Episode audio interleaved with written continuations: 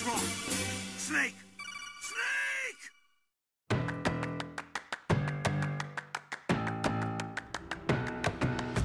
Droga publiko, serdecznie witamy w 50. odcinku Gorących Krzeseł. E, Ja jestem Krzysiek Ceran, a ze mną przy mikrofonie i kamerze jest Kamil Borek. To ja? E, I zapraszamy do tego najlepszego polskiego podcastu o grach komputerowych i stolarstwie. E, 50 to taka duża liczba, ale jak mówiłem już miesiąc temu jest dość arbitralna, więc nie będziemy jej jakoś szczególnie świętować. E, Ej, mamy... roku. Jest... Mamy natomiast grudzień roku 2023, co oczywiście wymusza pewne podsumowania, przemyślenia i inne takie. No ja prowadzę nam fanpage'a, gdzie staram się wrzucać najciekawsze newsy, więc moje podsumowanie tego roku jest ojej, ojej, wyszły dobre gry, nacieszcie się nimi, bo to ostatnie jakie wyszły, znaczy tyle Wyszli studiów pozwalniało pracowników, ty, tyle studiów się pozamykało, to był fatalny rok dla, dla, dla to był fatalny rok dla branży.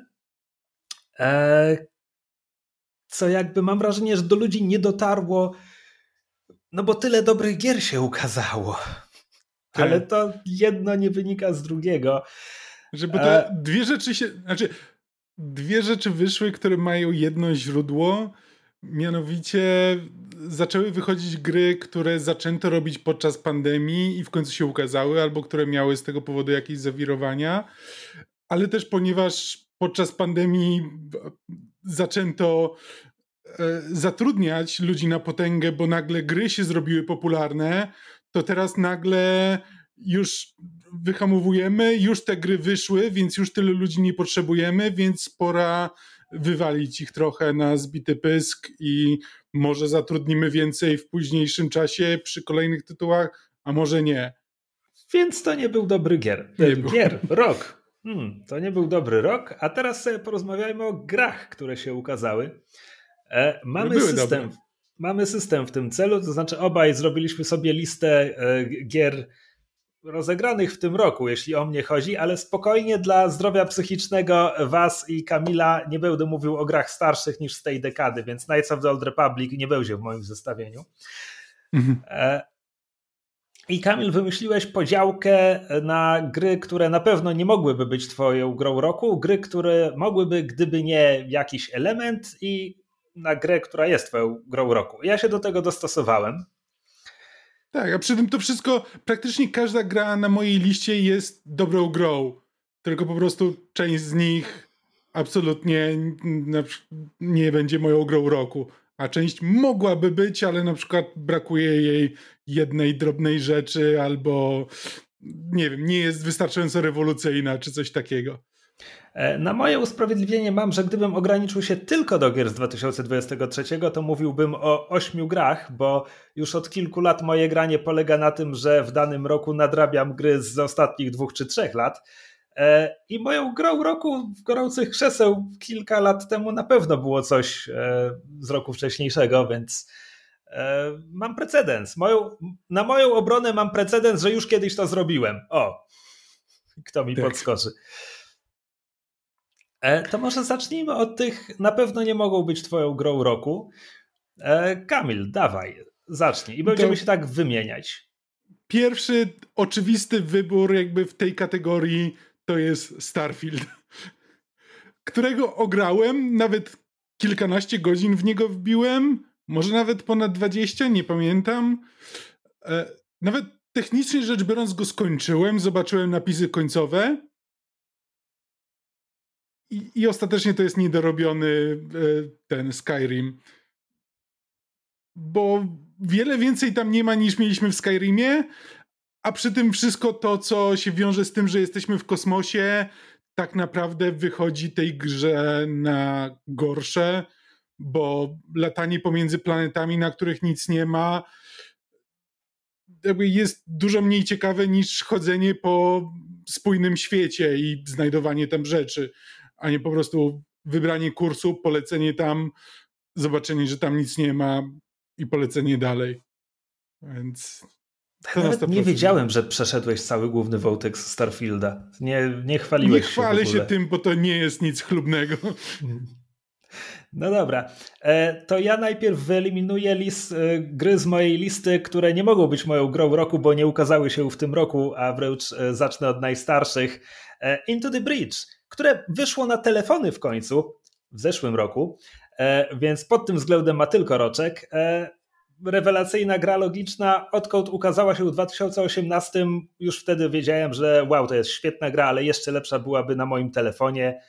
Teraz jest i jest fantastyczna i znowu gram w nią zapamiętale. Niestety jest, e, no, twórcy mają ekskluzyw z Netflixem, więc tylko w ten sposób można w to grać na telefonach, co jest ograniczające, a w tym momencie już nie wszyscy mają Netflixa, bo platforma zeszła może jeszcze nie na psy, ale już tak grono staje. E, e, więc tak, świetna gra, ale stara, odpada.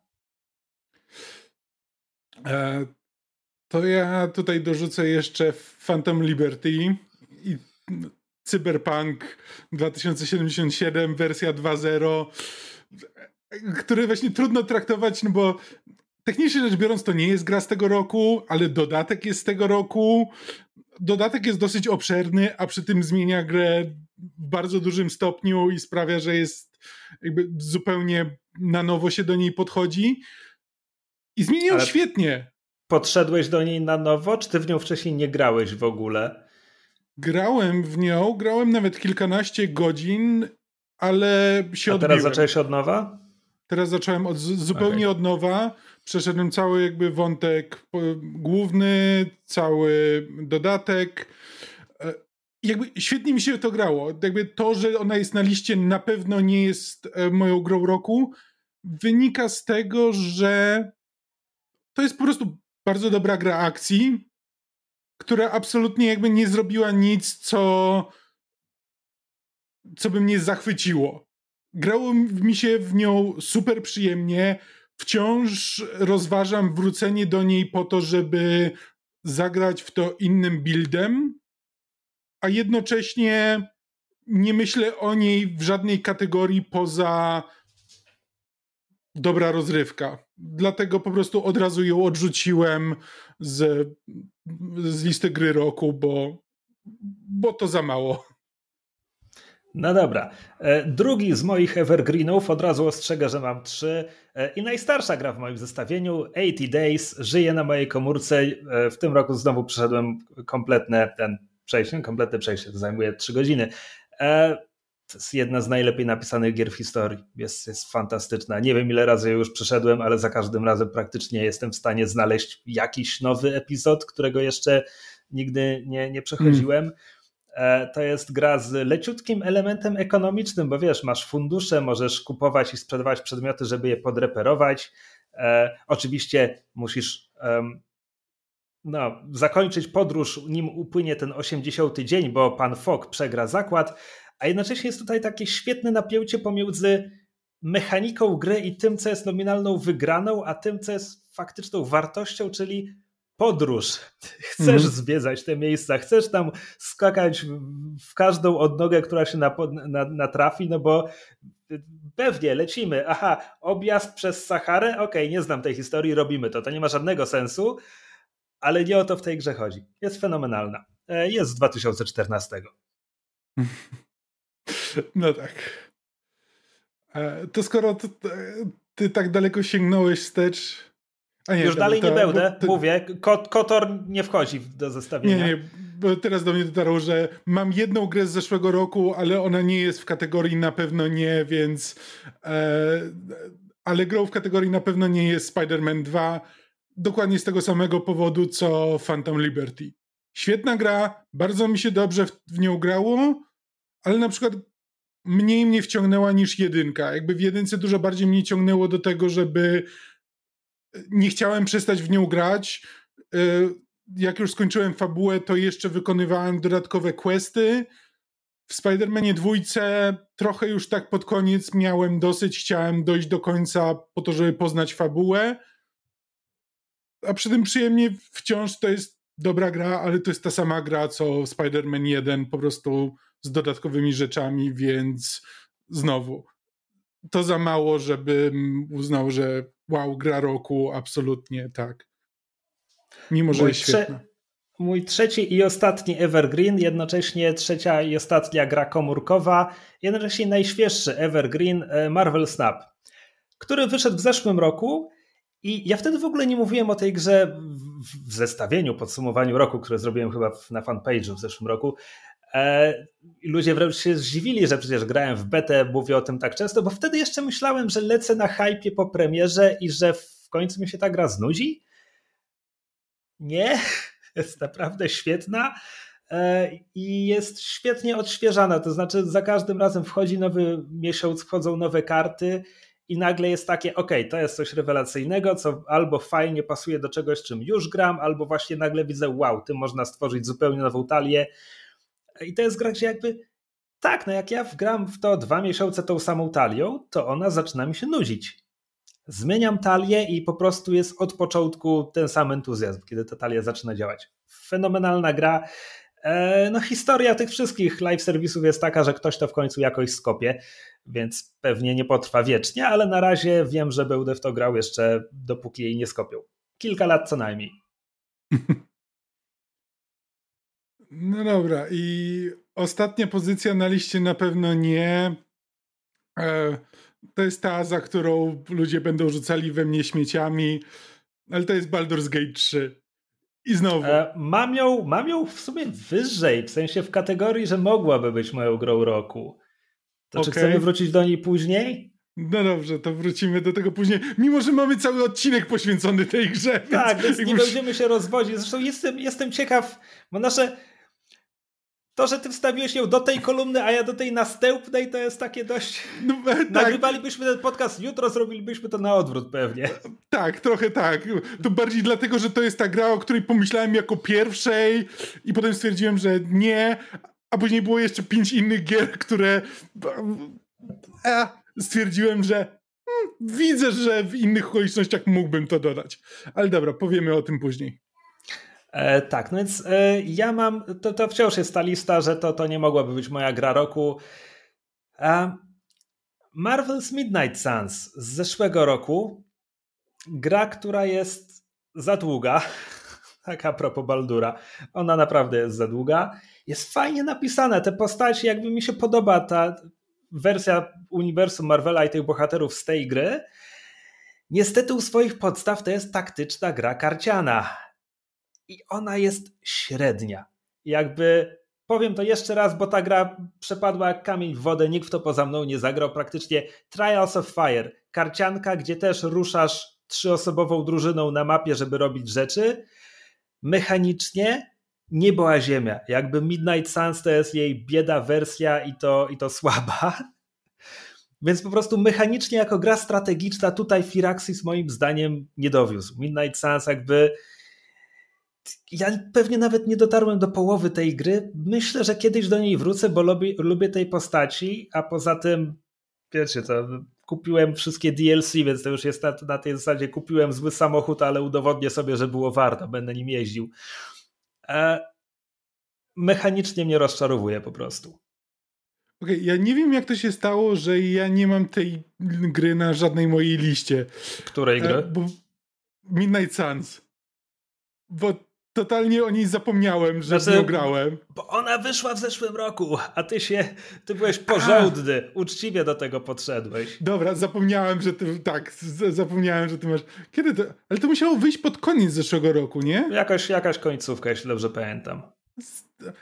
Ale chyba na tyle późno, że nie miała szansy się załapać na zeszłoroczny, zeszłoroczną grę roku.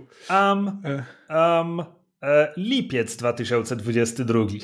Serio? Jesus Christ. Okej, okay, tak. dobrze. To sporo tłumaczy. Znowu, Ona jest ja sympatyczna, po prostu mnóstwo, ale... czegoś tam wciąż brakuje. Yep. E, ty przechodzisz już do shortlisty, tak? Gier, które mogłyby być twoją grą roku, gdyby coś tam. E, tak, znaczy to, to, to, nie jest shortlista, bo shortlista to jest takie gry, które... Ścisły czub. Tak, że praktycznie już są grą roku, ale muszę wybrać spośród nich jedną. Okej, okay, dobra. No powiedzmy, powiedzmy, że nie kłamiąc za dużo, też mogę przejść do tego etapu już. E, Nie, w sensie te, te, teraz jest etap może. Teraz mogłyby być, ale nie, ale nie są. I wiem, no tak, że tak, nie czyli są. Zamykamy tak. etap, na pewno nie Jasne. mogłyby być, ponieważ powody. Chociaż mają Dobra. swoje zalety. To w takim razie zacznę od tego, co jest technicznie rzecz biorąc z zeszłego roku, e, ale zagrałem w to chyba na początku tego roku, a wyszło e, tak czwarty kwartał ostatniego. Case of the Golden Idol. Idol. E, to jest gra, którą będę nadrabiał w przyszłym roku i wtedy sobie o niej porozmawiamy. Znaczy, dla tych, którzy nie znają, to jest trochę podobne, w, trochę w stylu Return of Obra Dinn. To jest... Prezentuje się jak przygodówka, w sensie masz ekrany, na której są postaci, ale na tych ekranach masz scenki zamrożone w czasie, w których coś się dzieje. Pierwsza z nich to jest na przykład jakaś osoba zrzuca z urwiska drugą osobę. I możesz sobie klikać w tę scenę, możesz na przykład zajrzeć, że ok, gdzieś tam jest plecak, możesz zobaczyć, co jest w tym plecaku. W tym plecaku są przedmioty, więc przeglądasz wszystko, co masz dostępne w danej scenie, po czym musisz uzupełnić, co się tutaj wydarzyło. Więc musisz na przykład podpisać każdą postać, że na przykład ta postać nazywa się tak, ta druga postać, która spada, nazywa się inaczej. Czemu tam ta postać e, ją zrzuca? I robisz to za pomocą uzupełniania zdań albo wklejania jakichś urywków e, w odpowiednie miejsca, tak żeby stworzyć z tego spójną historię. I jest to fascynujące, przygodowe sudoku. E, bardzo fajnie się to robi. Historia jest bardzo ciekawa, przy tym zupełnie nietypowa, nieliniowa. Znaczy, nieliniowa. Jest liniowa, ale trochę taka achronologiczna, przedziwna rzecz, fascynująca i polecam każdemu. Nadrobię w przyszłym roku. Um, z mojej strony y, Jedi Survivor. Gra fajna, mająca mnóstwo zalet, jakby na Mam papierze reali... Ma, masz ją wyżej? To mhm. nie, nie, mówię nic więcej, wrócimy do tego. E, to w takim razie co by tutaj? U, Lies of P. Bo to jest. To jest totalnie moja gra. To jest zasadniczo Bloodborne z paroma nowymi pomysłami. E, świetny Souls-like. Zaskakująco e, interesująca historia, jak na to, że to jest technicznie rzecz biorąc e, historia o Pinokiu, ale mroczna i pokręcona i tak dalej. E, ale jest w tej historii coś, a przy tym fantastycznie mi się w to grało. No tyle, że to jest. To jest Bloodborne. Grałem już w tę grę. To jest świetnie zrobiony Bloodborne. E, ale podejrzewam, że nie wrócę do niej po raz drugi. A na przykład do Bloodborne'a prawdopodobnie jeszcze kiedyś wrócę. W związku z czym no, to za mało, żeby się kwalifikowała na grę roku. No dobra, e, w takim wypadku e, Shadow Gambit The Cursed Crew, ostatnia gra studia Mimimi. E, to pewnie w każdym tego słowa znaczeniu. Mm, to pewnie mogłaby być moja gra roku, gdyby nie to, że i tu wina leży po mojej stronie, za mało w nią grałem. Jeszcze mm. jakby dużo przede mną, a ja niestety w ciągu ostatnich miesięcy żonglowałem kilkoma olbrzymimi grami po to, żeby żadnej z nich nie skończyć. Moja wina, mea culpa. W każdym razie Mimimi to jest taka smutna historia. Oni właściwie przywrócili do życia ten gatunek tych, tych y, taktycznych skradanek w czasie rzeczywistym, tak, a la Commandos czy Desperados, przecież zrobili Desperados 3, nie wiem, 15-20 lat po, po drugiej części. E, I to jest nisza, nikt inny tego nie robi. I mhm. Ich gry odnosiły sukcesy, kry, jakby krytycy je uwielbiali, sprzedawały się na tyle dobrze, żeby mogli zrobić następną. Ale ten margines mhm. błędu był tak wąski, że twórcy otwarcie wydali oświadczenie: nie wyrabiamy psychicznie. Mhm. I kończą, zamykają studio. Jest to strasznie przykre. E, Shadow Gambit wprowadza sporo zmian do tej formuły, jest bardziej otwarte, można w dowolnej kolejności podejmować się misji. Co więcej, e, wracamy ciągle do tych samych lokacji, żeby wykonywać w nich inne misje. I szczerze, ponieważ ta struktura jest inna, nie wciągnęła mnie tak jak dwie poprzednie gry, a jednocześnie nie grałem na tyle długo, żeby dać jej szansę, żeby wciągnęła mnie na swoich zasadach. Więc jakby jeszcze będę kontynuował to jest argument, który ja słyszę praktycznie w każdym podcaście, którego słucham i który opowiada o tej grze. To jest właśnie taki na zasadzie, kurczę, fajnie się to zapowiada, powinienem w to zagrać więcej, ale coś jakby sprawia, że trudno jest się tu zahaczyć i zostać z tą grą na dłużej. To znaczy, ponieważ wracasz do tych lokacji, więc w tych misjach, przynajmniej w pierwszym akcie gry, może to się potem zmienia, tam nie ma tego, co masz w Shadow Tactics, a zwłaszcza wiesz, w Desperados możesz mieć misję, która jest. Mapa to jest wielki wąwóz, przez który jest przerzucony most, i wysadzasz ten most w ramach tej misji. Tu tego nie może być, bo będziesz wracał na tę wyspę jeszcze 10 razy. Może blisko końca gry zaczynają się takie misje, że y, w ramach których zmienia się bardzo dużo na mapie, ale faktycznie jest to jakiś element, którego brakuje. E, hmm. Natomiast jest dużo nowych, ciekawych rzeczy. Jest niemalże, wiesz, jest statek, który jest taką mini Normandią. Są postaci, które mają nie tyle własne, znaczy własne questy też mają, ale poza tym mają własne historyjki rozgrywane na pokładzie tego statku, więc jakby jest dużo więcej czasu zainwestowane w te postaci, że są czymś więcej niż tylko zbiorem umiejętności i powtarzanych po 50 razy odzywek w trakcie misji. E, więc to jest inna gra e, i na pewno kiedy poświęcę jej czas, to jakby, jakby przekonam się, że te zmiany są może nie na lepsze, ale że owocują czymś innym, ale równie dobrym. Zakładam. Na razie poświęciłem jej za mało czasu, niestety. No dobra, to jeśli mówimy o innych grach, to e, ja wspomnę tutaj Shadows of Doubt, które jest... Jest na mojej liście do nadrobienia kiedyś. Mhm. To jeszcze nie wyszło z Early Accessu, prawda? E... Wysz... Jestem, jestem przekonany, że nie. Jest, jest dostępne w Early Accessie na 99%.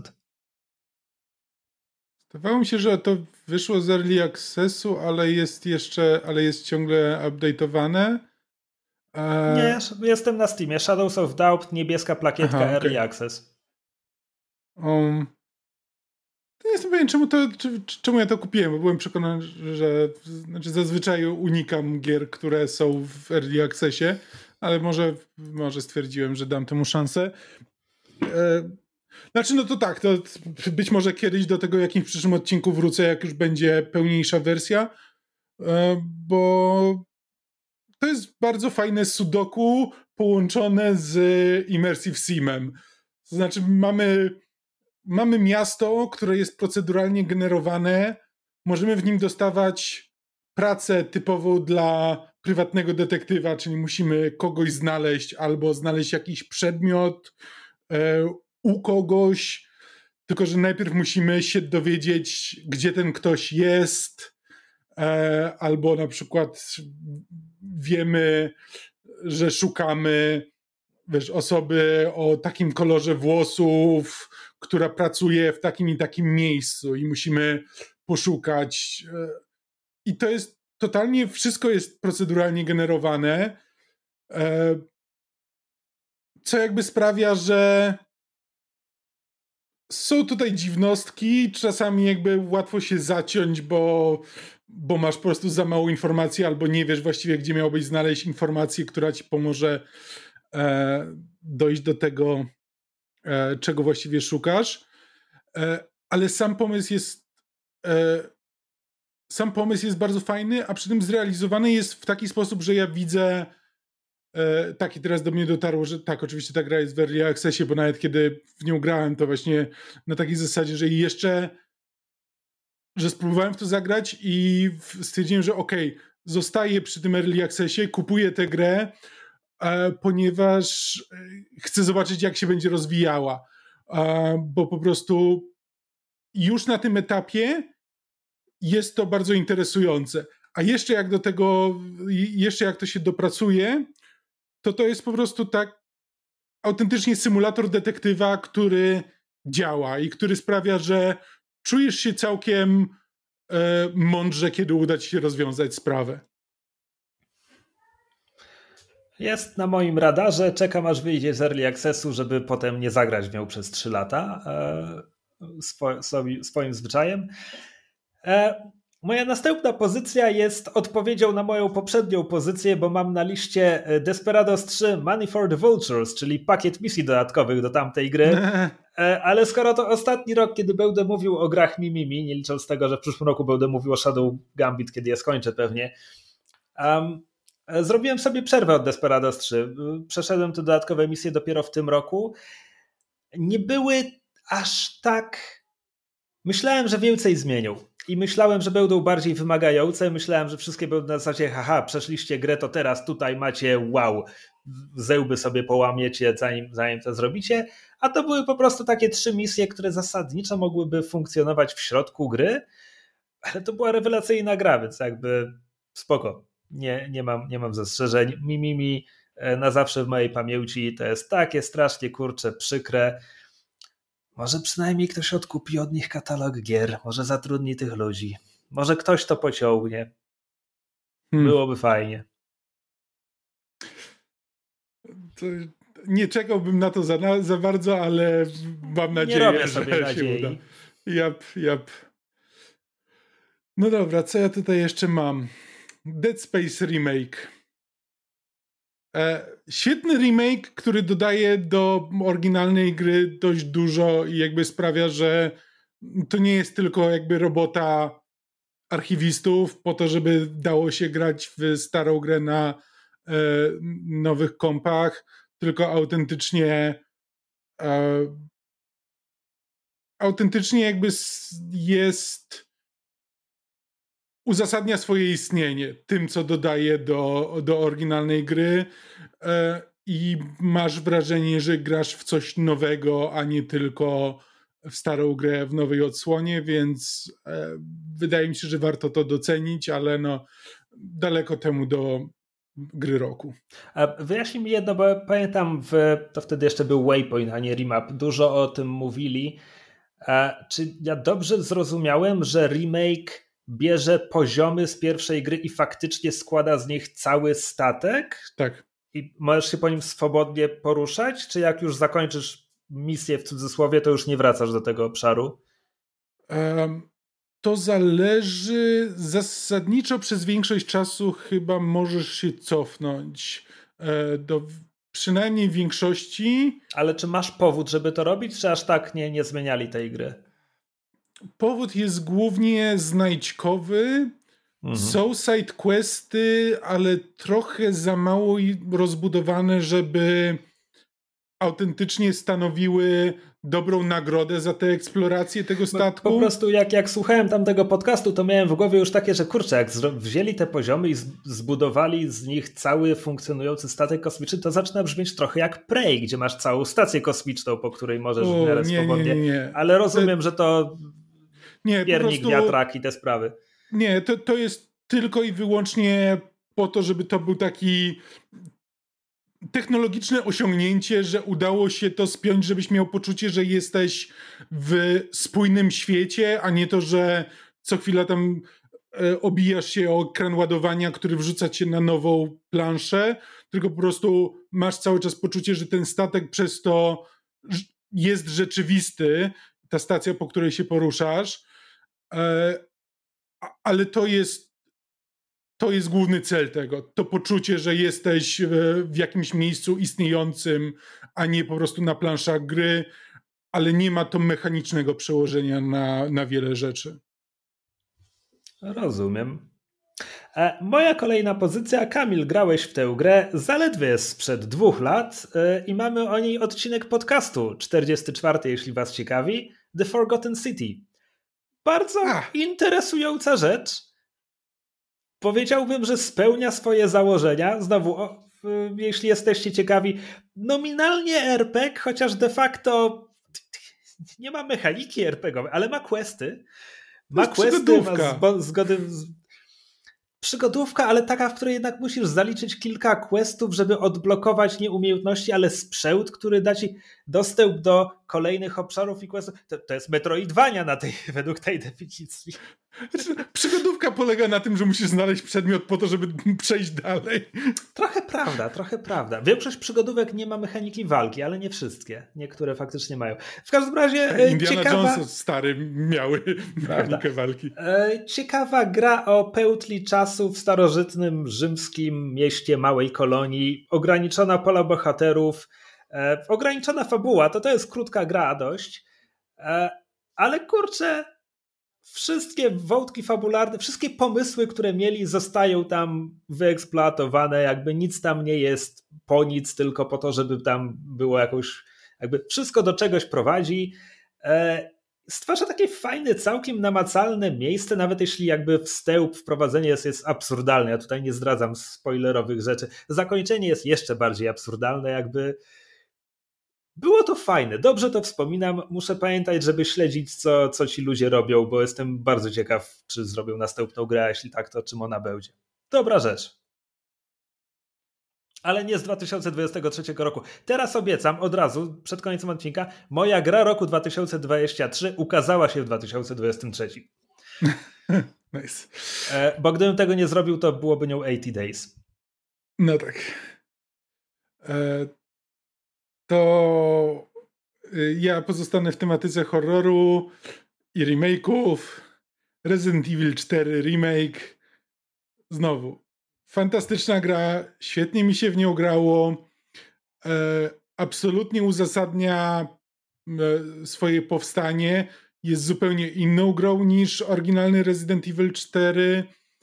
E, ale przy tym uważam, że zarówno jakby Resident Evil 7, jak i Resident Evil 2 były lepszymi grami. E, to jest bardzo dobra kolejna e, kolejna gra w serii, ale, ale to tyle, dlatego znowu na, e, na grę roku się nie załapie. Moją kolejną grą jest gra, która z pewnego punktu widzenia ukazała się w tym roku. E, chodzi mi oczywiście, Kamil, grałeś e, Hitman z 2016. W tym Jest roku. Okej, okay, nic, nic więcej nie mówię. Twoja kolej. E, Blasphemous 2. E, Metroidvania i trochę Souls-like w 2D. E, świetny klimat e, hiszpańskiego katolicyzmu e, w klimatach horroru. Brzmi groźnie. E, I wygląda groźnie, ale wygląda też groteskowo. E, w związku z czym czasem zabawnie.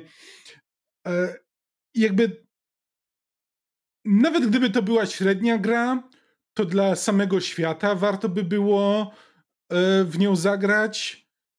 A przy tym to jest bardzo dobra gra, ale jednocześnie chyba nie aż tak dobra jak pierwszy Blasphemous, ale a poza tym no, taka dosyć typowa Metroidvania.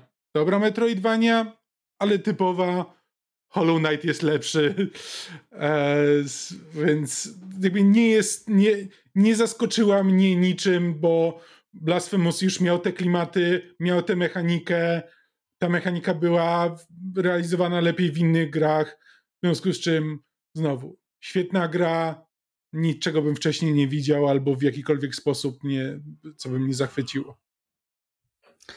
Okej. Okay. E, moja następna gra ukazała się w tym roku na PlayStation, bo na wszystko inne wyszła w zeszłym. E, Citizen Sleeper. Mm. Mamy odcinek. Znowu cały odcinek. Gorące krzesła 45, polecam. Gra, która, mówię w tamtym odcinku, ona jest o włos od bycia wybitną, a ponieważ brakuje jej tego włosa, to jakby te niedociągnięcia kolą w oczy bardziej niż powinny, bo to nie są poważne zarzuty tak naprawdę. Mm. To jest bardzo dobra gra świetna, ale mogła być kurczę legendarna, a nie jest i dlatego to boli. Ale bardzo fajne. RPG, hmm, visual novel RPG. E, jest tam sporo mechaniki mimo wszystko. E, o syntetycznej istocie na stacji kosmicznej, która próbuje tam zasadniczo stworzyć sobie nowe życie, a, albo przynajmniej uciec przez, przed prześladowcami i tą wbudowaną, jak, jak się nazywa plant obsolescence po polsku? Jak androidy z Blade Runnera, no ma, ma wdrukowany, wdrukowany czas przydatności, po którym przestanie funkcjonować, no i trzeba Trzeba się nastarać, żeby z tym wygrać, żeby istnieć dalej. Ogólnie jest to gra o kapitalizmie. Bardzo dobra. Hmm. Polecamy, polecamy odcinek. E, El Paso Elsewhere. To jest zasadniczo. Grałem tylko w demo. To jest zasadniczo Max Payne, tylko że w klimatach. Że to jest ciekawe, bo zresztą miałem powiedzieć, że trochę mi przypomina Control i gry Remedy, Max Payne jest też grą Remedy, więc ten wachlarz inspiracji nie jest bardzo szeroki. No tak, tylko, tylko Max Payne był komiksowym neo-noirem, a El Paso Elsewhere idzie otwarcie w jakby slasherowy, nie horror, to jest, to jest Buffy prędzej niż horror. Tak, a przy tym cała narracja jest demonów. taka bardzo właśnie w stylu noir, tylko e, tak trochę bardziej fantazy Trudno to określić. To jest fajny klimat. To jest bardzo dobra gra, ale trochę się za każdym razem zmuszam, to jest za mocne słowo, ale muszę się trochę przemóc, żeby do niej wrócić, bo mechanika jest dosyć powtarzalna. Nie mam wrażenia, że wiele się tam zmienia z poziomu na poziom, a historia jest na tyle dziwnie oniryczna, że właściwie nie do końca rozumiem, jaka jest stawka, więc nie jestem w nią wciągnięty tak od początku. Ale jest ciekawa i mam takie, że kurczę, powinienem do tego wrócić i to skończyć, a jednocześnie coś mnie cały czas nie pozwala, więc. Ja tylko na podstawie dema dodam, że e, znaczy bohater jest fajnie napisany, fajnie zagrany, ale ta gra ma też świetne przerywniki. Ona wygląda mhm. jak pierwszy Max Payne, w sensie to są jakby toporne modele, proste 3D tak. i tak dalej, ale przerywniki mają świetny montaż, świetne, e, świetną kompozycję scen. Mhm. to wygląda super, to wygląda jak film. Po prostu film low poly, ale tak. naprawdę dobrze nakręcony i zmontowany. E, a mam do Ciebie pytanie, e, to nie, jest, to nie jest moja myśl, to jest coś, co gdzieś usłyszałem czy przeczytałem. E, jak w, Max, Maxie Payne możesz się tam rzucać na boki, żeby w zwolnionym tempie lecieć i szyć z pistoletów, tylko w Maxie Payne to było jakby zaraz po Matrixie prawdopodobnie i to było cool, no bo lecisz i pociski prze, przeciwników przelatują dookoła ciebie, a ty walisz i tak dalej. A tutaj te wszystkie demony, one nie mają pistoletów, one biegną do ciebie, żeby cię nawalać. I jakby ten element latania w slow motion jest przy tym taki. Aha. Jaki? Aha. Okej, okay, dobra. E, są, potem pojawiają się przeciwnicy, którzy strzelają do ciebie, ale to też są takie pojedyncze um, pociski, które lecą i to nawet chyba, chyba nawet nie z taką prędkością pocisku w, w twoją stronę, więc jakby możesz je unikać, ale równie dobrze możesz po prostu odbiec. Więc tak, jakby kiedy to nie jest ten film Johna Woo, w który, w który grasz, to, to zupełnie na tym, to bardzo dużo na tym traci. I być może to jest ten powód, dla którego tak trudno mi jest do tego wrócić i dlaczego ta mechanika coś, w niej, coś nie do końca mi w niej gra. No dobra, od teraz do końca jadę już tylko na grach z tego roku i to bez żadnych sztuczek semantycznych, że ukazały się na Game Boy Advance w tym roku czy coś tam. Um, no to e, Baldur's Gate 3. Gra, którą jestem rozczarowany. To jest bardzo dobra gra, która robi bardzo wiele rzeczy bardzo dobrze, ale nie te, na których mi zależy w RPGach. Mhm. I ja się z nią rozmijam. Odkąd nagraliśmy o niej cały odcinek, teraz nie pomnę cyferki, ale to było co dwa, trzy odcinki temu, e, wbiłem w nią tylko kilka dodatkowych godzin, nie ukończyłem pierwszego aktu, a po prostu porównuję sobie z moimi ulubionymi growymi doświadczeniami z tego roku, gdzie mam jakby, hej, ta gra trwała jedną piątą tego, ile wbiłem w Baldura i w tym czasie dostarczyła mi tylu niezapomnianych wrażeń, a Baldur mhm. w ciągu tych 40 kilku godzin dostarczył mi świetny początek, świetne intro Rafaela i niektóre interakcje między postaciami były spoko. Mhm.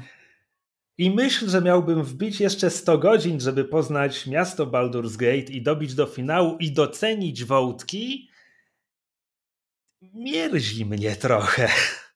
Tak. Znaczy, ze wszystkim się zgadzam i też chciałbym niniejszym przesunąć tę grę do tej obecnej kategorii, bo tak teraz popatrzyłem, że nie mogę mieć Baldur's Gate 3 tuż przy Starfieldzie. Jakby to, to, to jest obraza. To, Phantom Liberty i Spider-Man 2 też na to nie zasługują, ale mogę z tym żyć. Z Baldurem nie mogę, bo ja chcę, żeby powstawało więcej gier takich jak Baldur's Gate 3, żeby powstawały w taki sposób jak Baldur's Gate 3, żeby było więcej studiów takich jak Larian. Wszystko, co tutaj jest, tak mi niesamowicie imponuje, a jednocześnie próbowałem już dwa razy, dwa albo trzy razy, odkąd nagraliśmy ten odcinek, wrócić do tej gry i ląduję właśnie w, ty, w tym barze w drugim akcie, znaczy w tej knajpie i mam takie. Muszę sobie teraz wymyślić, gdzie ja mam pójść.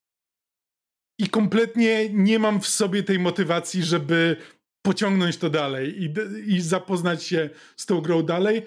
Szczególnie, że są dedeki. Ja chciałbym, gdyby ta mechanika była trochę bardziej crunchy, gdyby ta walka taktyczna dużo bardziej mnie wciągało, to też fabułę były, to wtedy fabuła nie musiałaby nie leżałoby na niej aż tyle, że okej, okay, muszę sam wymyślić, jak z tą fabułą obcować. Nie, po prostu bym, okej, okay, przejdę od walki do walki, spotkam kogoś, ktoś mi powie, co mam dalej robić. A ja mam takie, nie chce mi się przechodzić kolejnej walki, nie bardzo wiem, gdzie mam dalej iść, jakby muszę sobie coś wymyśleć i po prostu e, i sam siebie zniechęcam za każdym razem, kiedy siadam do tej gry.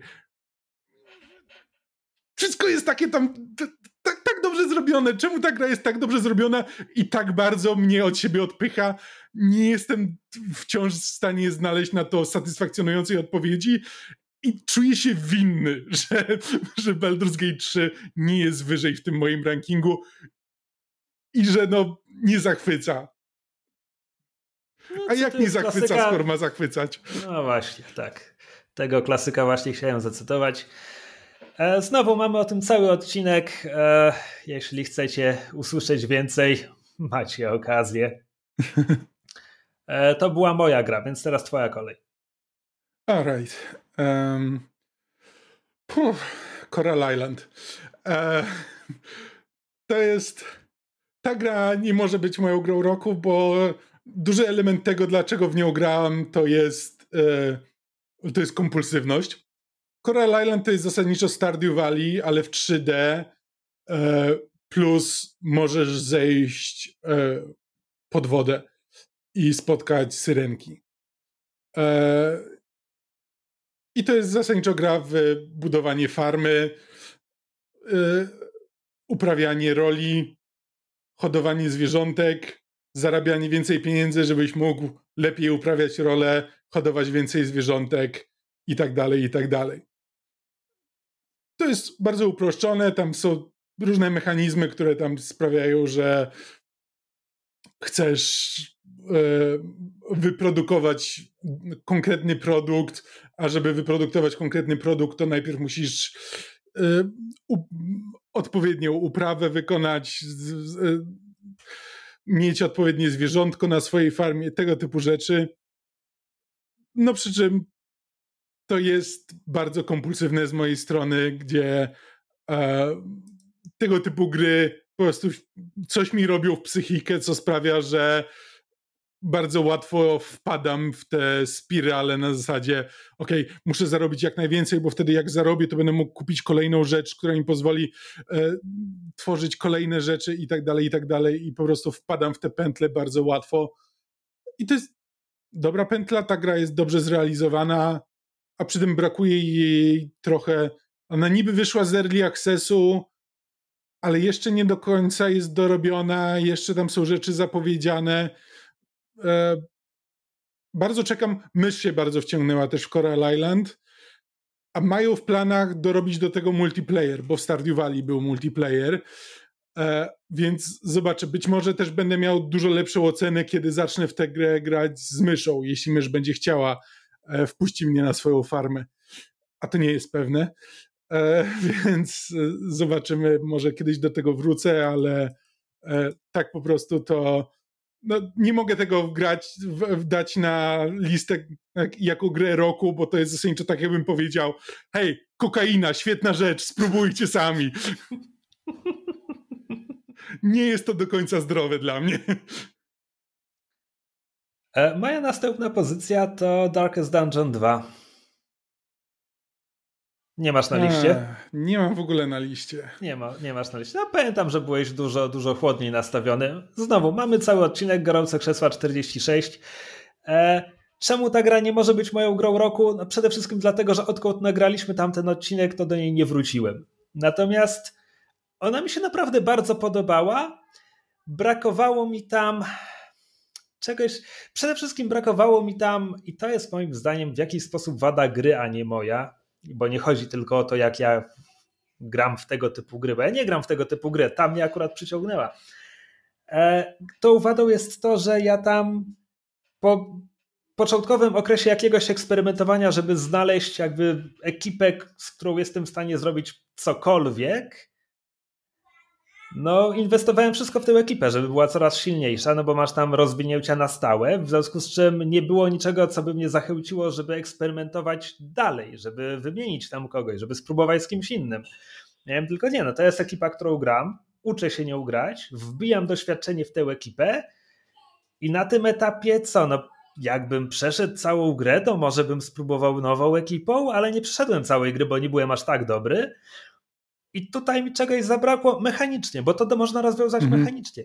Shadow Gambit ma mechanikę, gdzie załoga, która y, siedzi na statku i nie bierzesz jej na misję, kumuluje sobie dodatkowe punkty, które otrzymasz, kiedy weźmiesz ich za, na misję za następnym, następnym razem. Punkty mhm. do kupowania stałych rozwinięć. I to jest mechaniczny sposób, żeby zachęcić gracza do żonglowania, do rotowania składu. Darkest Dungeon 2 nie miało tego, a jeśli tam coś jest, wiesz, co po tysiącu godzin odkrywasz, no to ja tego nie odkryłem. Ale bardzo mi się podobała, po prostu nie wróciłem do, do gry. Darkest Dungeon jedyne co ma w, w kwestii takiej mechaniki to jest to, że łatwo jest stracić postać, więc wtedy musisz zatrudnić nową na jej miejsce, no ale to ci wymienia jakby jedną czwartą składu, no i może, może zauważysz przy okazji jakoś fajne, e, jakąś fajną synergię, która ci nie przyszła do, wcześniej do głowy i nagle stwierdzi, że okej, okay, zbudujesz teraz wokół tego nowy skład. No ale to jest, to rzeczywiście to jest trochę mało. Znaczy, zwłaszcza w momencie, gdy nie wydajesz punktów, żeby dopakowywać tamte inne postaci. No to wtedy ginie ci jedna postać, uzupełniasz ją kimś, z kim nie masz obcykanego tego składu, kto jest słabszy, ma słabsze statystyki, mm, bo nie wbiłeś im, jakby zginiesz, no nie, nie ugrasz mm -hmm. nic. Jakby pewnie, jeśli będziesz grał jeszcze więcej i rozwiniesz wszystkie postaci, które masz w swoim zespole, znaczy, które masz do dyspozycji, no to potem przy takim rotowaniu już będą wchodzić i przynajmniej będą mieli podniesione statystyki, ale wciąż kompozycja drużyny w tej grze jest bardzo ważna, a gra ci praktycznie rzecz biorąc losuje, kto ci zastąpi poległą osobę i rozwali ci kompozycję. Jakby no mówię, no nie, nie dogadałem się z tą grą na tym poziomie, ale bardzo dobrze wspominam te 20 godzin, czy ile w nią wbiłem wcześniej. Twoja kolej, piłka jest po twojej stronie. E, no to w takim razie ty już o tej grze wspomniałeś, Jedi Survivor. To już wchodzimy w tym momencie na moją shortlistę. Widzę świat, w którym Jedi Survivor, gdyby nie parę innych gier mógłbym stwierdzić, że okej, okay, to, jest, to jest moja gra roku. Tylko, że nawet wtedy bym to zrobił mniej więcej tym samym tonem na zasadzie. Pewnie, czemu nie? To może być moja gra roku. Znaczy, nie czuję się kogoś, źle z tym wyborem. Jeśli kogoś to interesuje, to odkąd wspomniałem o Hitmanie, jesteśmy już praktycznie na mojej shortliście. Ja widzisz. E, jakby w Jedi Survivor bardzo mi się Znaczy, bardzo mi się podoba świat. To są Gwiezdne Wojny, tak. Jakby, oczywiście, Ale to że są podoba mi się fajnie świat. zrealizowane Gwiezdne tak, Wojny. Dokładnie. Jakby z, to, Szczególnie w obecnych czasach, jakby stwierdzenie, że to są Gwiezdne Wojny, więc ten świat jest fajny. Eee, widzieliśmy księgę Boby Fetta. Eee, jest. Że jest, eee, jestem fanem tej bajki od 30 lat niemalże. No jakby dobre i złe Gwiezdne Wojny istnieją od Oczywiście. 83 co najmniej. Jasne. Eee... Tak, no mechanicznie Powrót świetnie mi się Jedi jest zły, to jest, to jest dowcip, jeśli przegapiliście. E, ma momenty, żeby nie było, ma momenty, ale to nie jest dobry film. Okej, okay. odważna teza. E... Nie, serio, jakby gdybyś go sobie powtórzył. To co, kosmiczni kowboje i lecimy przez oryginalną trylogię? Hmm, nie podawaj mi pomysłów. No nie, nie powtarzałem ich sobie od przed premierą Force Awakens, to już dużo, długo. Może zmienię ja zdanie. to zrobić, może to jest jakiś pomysł. Hmm, hmm. E, w każdym razie Jedi Survivor. Może ja się wstrzelę, wejdę dawaj, ci w słowo i powiem, czemu ta gra nie jest na mojej shortliście. E, no mamy o niej cały odcinek, więc może pamiętacie, no wkurzyła mnie. To znaczy e, skok poziomu trudności w dwóch w zasadzie finałowych walkach z bossami był absurdalny, mm. zwłaszcza, że jedna z nich i tak prowadzi do wymuszonej śmierci postaci, którą gramy, więc to, że przegranie tej walki nie zaliczać jej, żeby popchnąć fabułę do przodu jest tak turbo głupie. A na dodatek fabuła mnie trochę rozczarowała, ten wątek, znowu mamy o tym cały, to jest spoiler, ten wątek, który mnie rozczarował to jest spoiler, więc odsyłam do odcinka o Jedi Survivor, ale jest moim zdaniem niewykorzystany. I niewykorzystane jest również to, że gromadzisz sobie postaci do tego swojego salonu i one utykają w tym salonie na wieczność i już nie mm. mają wpływu na fabułę i tak, nie tworzysz sobie akwarium Poza tym z postaciami. absurdalnie rasistowskim szkotem? Czy mogę tak powiedzieć? Nie spotykasz ich nigdzie poza salonem. To, to było takie sobie. Ale jakby to był dobry. Na papierze on robił wszystko to, czego ja chciałem od sequela Fallen Order. Po prostu potem odkryłem, że kurczę, jednak, jednak Fallen Order miał coś, czego tutaj brakuje, ale przy okazji tam mnóstwo wad poprzedniej gry, więc dobra gra, cieszę się, że ją przeszedłem. Nie mam zamiaru wbijać w niej platyny i no wkurzyła mnie, no. Zgadzam się ze wszystkim, co powiedziałeś. Po prostu mój odbiór tego wszystkiego był trochę lepszy, ale absolutnie powiedziałeś prawdę. E, to co, lecimy dalej. Moja kolej. Tak, teraz twoja kolej. E, najnowsza gra na mojej liście Cobalt Core. E, trochę Kazus Shadow Gambit, grałem w nią trochę za mało, żeby mogła zostać moją grą roku. Znaczy, trochę za mało. E, to jest deck builder w rodzaju Slay the Spire, w którym na razie tylko raz dotarłem do finałowego bossa i właściwie ponieważ grałem tak mało, to nawet nie jestem pewien, czy to naprawdę jest finałowy boss, czy może dalej jest jednak coś jeszcze i w ramach jednego ranu gra się więcej. Nie wiem, bo go jeszcze nie pokonałem. Zabrakło mi tam dwóch dobrych kart może. E, w każdym razie, więc jest to trochę jak Slady Spire, tylko w kosmosie. Tych zmian mechanicznych jest dużo, w sensie latamy stateczkiem, mamy trzy postaci, które są załogą tego stateczku. Do każdej postaci jest przypisany jakiś rodzaj kart. I na początku to jest bardzo proste, bo masz gościa od dział, w sensie ataki, masz gościa od osłon, daje ci osłony, w sensie blok, i masz gościa od uników. I tu jest największa mechaniczna różnica, bo... To jest to, na co nie wpadliśmy przy Astrofanku. Tak długo się zastanawialiśmy, jaką rolę powinna spełniać każda z naszych postaci. Gość od uników. No w Astrofanku nominalnie to był chyba pilot jednak. E, w każdym razie e, walka toczy się kolumnach, gdzie twój stateczek, początkowy stateczek, y, jest szeroki na pięć kolumn, przeciwnik będzie szeroki na cholera wie ile, też od pięciu do więcej e, i ma się działa. Twój stateczek ma jedno działo, stateczek przeciwnika zwykle będzie miał więcej dział. Działo to jest kolumna, e, która jest narażona na atak w danym momencie i tu wchodzą uniki. W sensie zagrywasz karty, które dają ci unik. Jeden unik pozwala ci przesunąć się o jedną kolumnę w lewo lub w prawo. Więc nagle, tak jak w Slay the Spire, możesz grać na atak, na blok. Tak, tutaj możesz grać, no stawiamy na silny atak, stawiamy na silny blok, albo stawiamy na dużo uników, żeby po prostu zejść z drogi przeciwnikowi. I to wprowadza zaskakująco dużo zmian. A poza tym, ponieważ te trzy postaci e, to jest twoja załoga mostka, w ramach gry odblokowujesz kolejne postaci. Nie wiem, jakiego rodzaju karty one oferują, bo znowu mało grałem w tę grę. Mhm. Ale tak samo, e, tak jak w Slade Spire, zdobywasz artefakty, które modyfikują ci zasadniczo zasady rozgrywki na cały run. Są, e, jest pula ogólnych artefaktów przypisanych do statku, ale też każda postać ma pulę artefaktów, na które możesz trafić w obrębie jednego ranu, więc znowu jak wymienisz postaci na mostku, jak już odblokujesz następne, to będziesz też miał inną pulę artefaktów, które możesz zgromadzić przez cały run. E, I to są strasznie fajne rzeczy. Znowu, grałem w to mało, ale już widzę, jaka tutaj jest różnorodność, ile tutaj można modyfikować. Jakby najprostsza rzecz, którą mogę teraz przytoczyć, to jest, że złapałem artefakt, który, um, który e, jeśli zakończę rundę nie wydawszy całej energii, czyli zagrałem tyle kart i jeszcze mam energii, że mógłbym zagrać jeszcze jedną kartę i już tego nie robię, e, to mój statek chowa skrzydła, bo widzisz, statek ma pięć segmentów, to jest kokpit, działo, e, zapychacz miejsca i skrzydła. Skrzydła są po bokach, jak skrzydła się chowają, to jeśli w tej rundzie przeciwnik atakuje skrzydło, to ten strzał po prostu cię ominie. Mhm. A w grze jest też event. W tym evencie trafiasz na stocznię, e, w której postać ci mówi: Hej, czy możemy ci przetasować statek? E, I opcje są: Nie, to głupi pomysł, i tak, zrób to. I losowo zmienia ci kolejność e, segmentów, co oznacza, że nagle twoje skrzydło może być w środku statku. Więc miałem rad, gdzie kończyłem, kończyłem rundę, zostawała mi jedna energia po to, żeby w środku mojego statku pojawiła się nagle dziura, gdzie nawet nie musiałem unikać, tylko po prostu strzał przelatuje przez mój środek. jest tylko jedna okay. rzecz z wielu różnych losowych kombinacji, na które można tutaj wpaść. Dodajmy całość.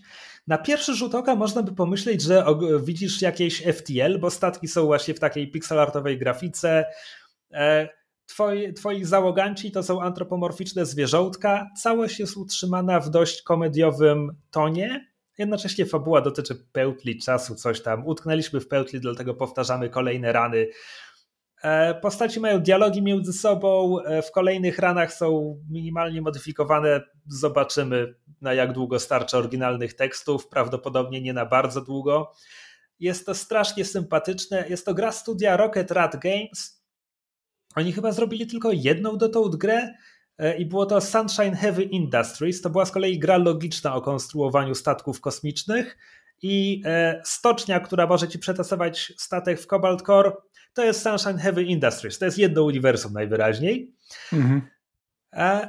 Bardzo fajna gra. Wiem już, że wbije w nią jeszcze dużo czasu. Nie wiem, czy jest tak fajna, że wbije w nią tyle co w Slade Spire. Na pewno ma na to zadatki zapowiada się super i gdybym jakby rozegrał dodatkowe 20 godzin, to być może byłaby już moją grą roku. Właśnie ja zwróciłem uwagę na tę grę, bo nawet widziałem fragment e, streama z Tom Francis ją bardzo chwalił. E, ale też oglądałem stream remapów z mm, tego e, festiwalu Steam? Next Fest i właśnie grali w demo tej gry. Tylko, że coś tam sprawiło, że jakby wyniosłem z tego takie wrażenie, że wygląda na dużo prostsze od Slay Spire. I ona mniej nie jest skomplikowane. Ona nie jest prostsza, ale ponieważ to jest kosmos, więc chociaż załoganci, z którymi walczysz, jakby kapitanowie wrogich statków, to mogą być inne antropomorficzne zwierzątka, albo jakieś insektoidy, jakieś dziwne kryształy, to to, co masz na ekranie, z czym walczysz, to jest kolejny statek kosmiczny. Jakby wizualnie jest to bardzo mm. trochę na jedno kopyto. E, Karty nie mają grafiki, więc to też jest takie mm. na zasadzie wizualnie nie jest to tak ciekawe, jak mogłoby być, e, ale mechanicznie jest bardzo spoko. I to, to ma bardzo fajny nastrój, jakby. A, jest problem e, i znowu opieram się tutaj na recenzji e, Catherine Castle z Rock Paper Shotgun, bo sam grałem za mało. Na koniec sektora walczysz z bossem i to zawsze jest każdy sektor ma zawsze tego samego bossa, nieważne ile ranów byś nie grał. A, I to, to jest trochę słabe. Znaczy, umówmy się, no Slade Spire losowało ci co z dwóch, trzech, ale wciąż ci losowało, można było trafić coś innego, a tutaj jest powtarzalność. To zakładam, jeśli ta gra się sprzedała, a szczerze mówiąc nie mam pojęcia, to zakładam, że to jest kwestia jednego, wiesz, jednej aktualizacji darmowej e, i spodziewałbym się, że to zmienią. Na razie tego nie zrobili. Jasne. Ale jest bardzo dobra, jakby jeśli zagraliście w Slade Spire tyle, że już macie trochę dość, to polecam. No dobra, to ja też mniejsza gra. Chance of Senar. E, wciąż... Jest na mojej liście do ogrania. Tak, e, wciąż jest do obejrzenia na e, twitch.tv ukośnik Kamborek. Graliśmy w to z myszą na streamie. Wciąż można to tam obejrzeć. E, strasznie fajna gra, bardzo przyjemna. E, dla tych, którzy nie wiedzą, polega to na tym, że próbujesz się dostać na szczyt wieży. Na każdym poziomie tej wieży jest społeczeństwo, które ma swój język, przynajmniej no, grupka. No, społeczeństwo to trochę za dużo, jakby tutaj mówimy o bardzo małych społecznościach bardziej. E, każda z tych społeczności ma swój język. E, te języki są zapisywane piktogramami. Każdy piktogram ma, ma przypisane konkretne znaczenie i próbujesz rozgryźć na podstawie tego, kiedy postaci się do ciebie, to jest jakby indie gra, wszystko jest w takim 3D, 2D. Um, I kiedy postaci do ciebie mówią, to mówią, mówią do ciebie piktogramami. I na tej podstawie możesz stwierdzić z kontekstu, możesz sobie dopisywać w swoim dzienniku na zasadzie, że wydaje mi się, że ten piktogram znaczy to w pewnym, na pewnych etapach gra ci daje strony, praktycznie rzecz biorąc, słownika, gdzie masz po prostu rysunek jakiegoś przedmiotu albo koncepcji i piktogram. I jeśli dobrze przypiszesz piktogram do danego rysunku, to gra ci jakby. Tylko, że musisz. Na każdej stronie są trzy takie piktogramy. Więc jeśli wszystkie trzy piktogramy na danej stronie e, przypiszesz dobrze do odpowiednich rysunków, to gra ci wtedy potwierdza, tak, to są właśnie, to znaczą te piktogramy. I na tej, na tej podstawie jakby uczysz się języków.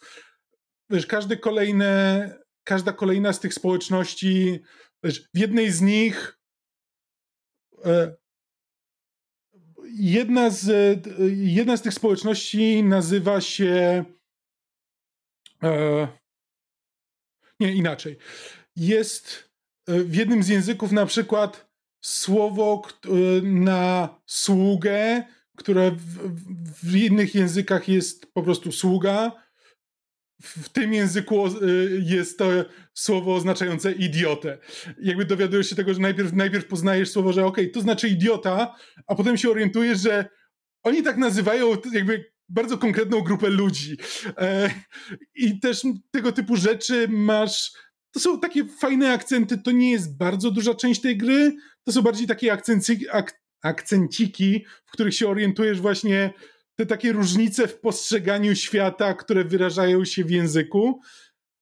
To nigdy nie jest bardzo skomplikowane. Zazwyczaj te języki to jest podmiot, podmiot orzeczenie, dopełnienie czasami orzeczenie jest w innym miejscu niż, niż powinno być, jest przeniesione na początek na przykład, więc czasami gramatyka się trochę różni, ale to nigdy nie jest jakaś zupełnie nowa gramatyka, której e, wokół której musisz w ogóle zbudować nową konstrukcję mentalną, żeby, żeby ją zrozumieć. Zasadniczo to są dosyć proste rzeczy. I to jest gra o komunikacji i o tym, jaką jakby rolę spełnia język w naszej komunikacji. Bardzo przyjemne, nierewolucyjne, ale bardzo, bardzo polecam.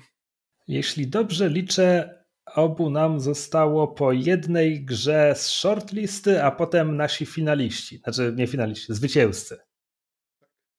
E, I ja mówiłem o Cobalt Core, więc teraz jest twoja kolej. Ech.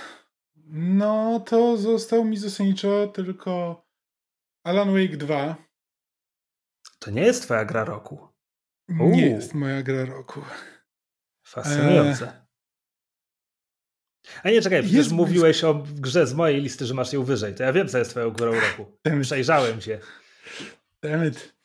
E, Alan Wake 2 jest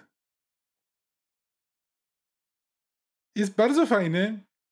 E, bardzo doceniam to, że Remedy wciąż tworzy gry, które jakby masz wrażenie, że zrobiło je pięciu kolegów w swoim pokoju, mimo że jakby już funkcjonują na budżecie, wiesz, dużo wyższym, e, dużo bardziej zaawansowane technologicznie, ale po prostu masz trochę wrażenie, że jest to taka produkcja teatralna, trochę składana na kolanie, trochę na zasadzie ty, a co gdybyśmy zrobili to w ten sposób? I tak, a, a wtedy to jeszcze dodamy i po prostu to jest pomysł na pomyśle, które ostatecznie nie do końca składają się w jakąś taką spójną całość. Trochę jakby dotarłem do końca i miałem wrażenie, że coś tu się nie skończyło, że czegoś mi tutaj brakuje.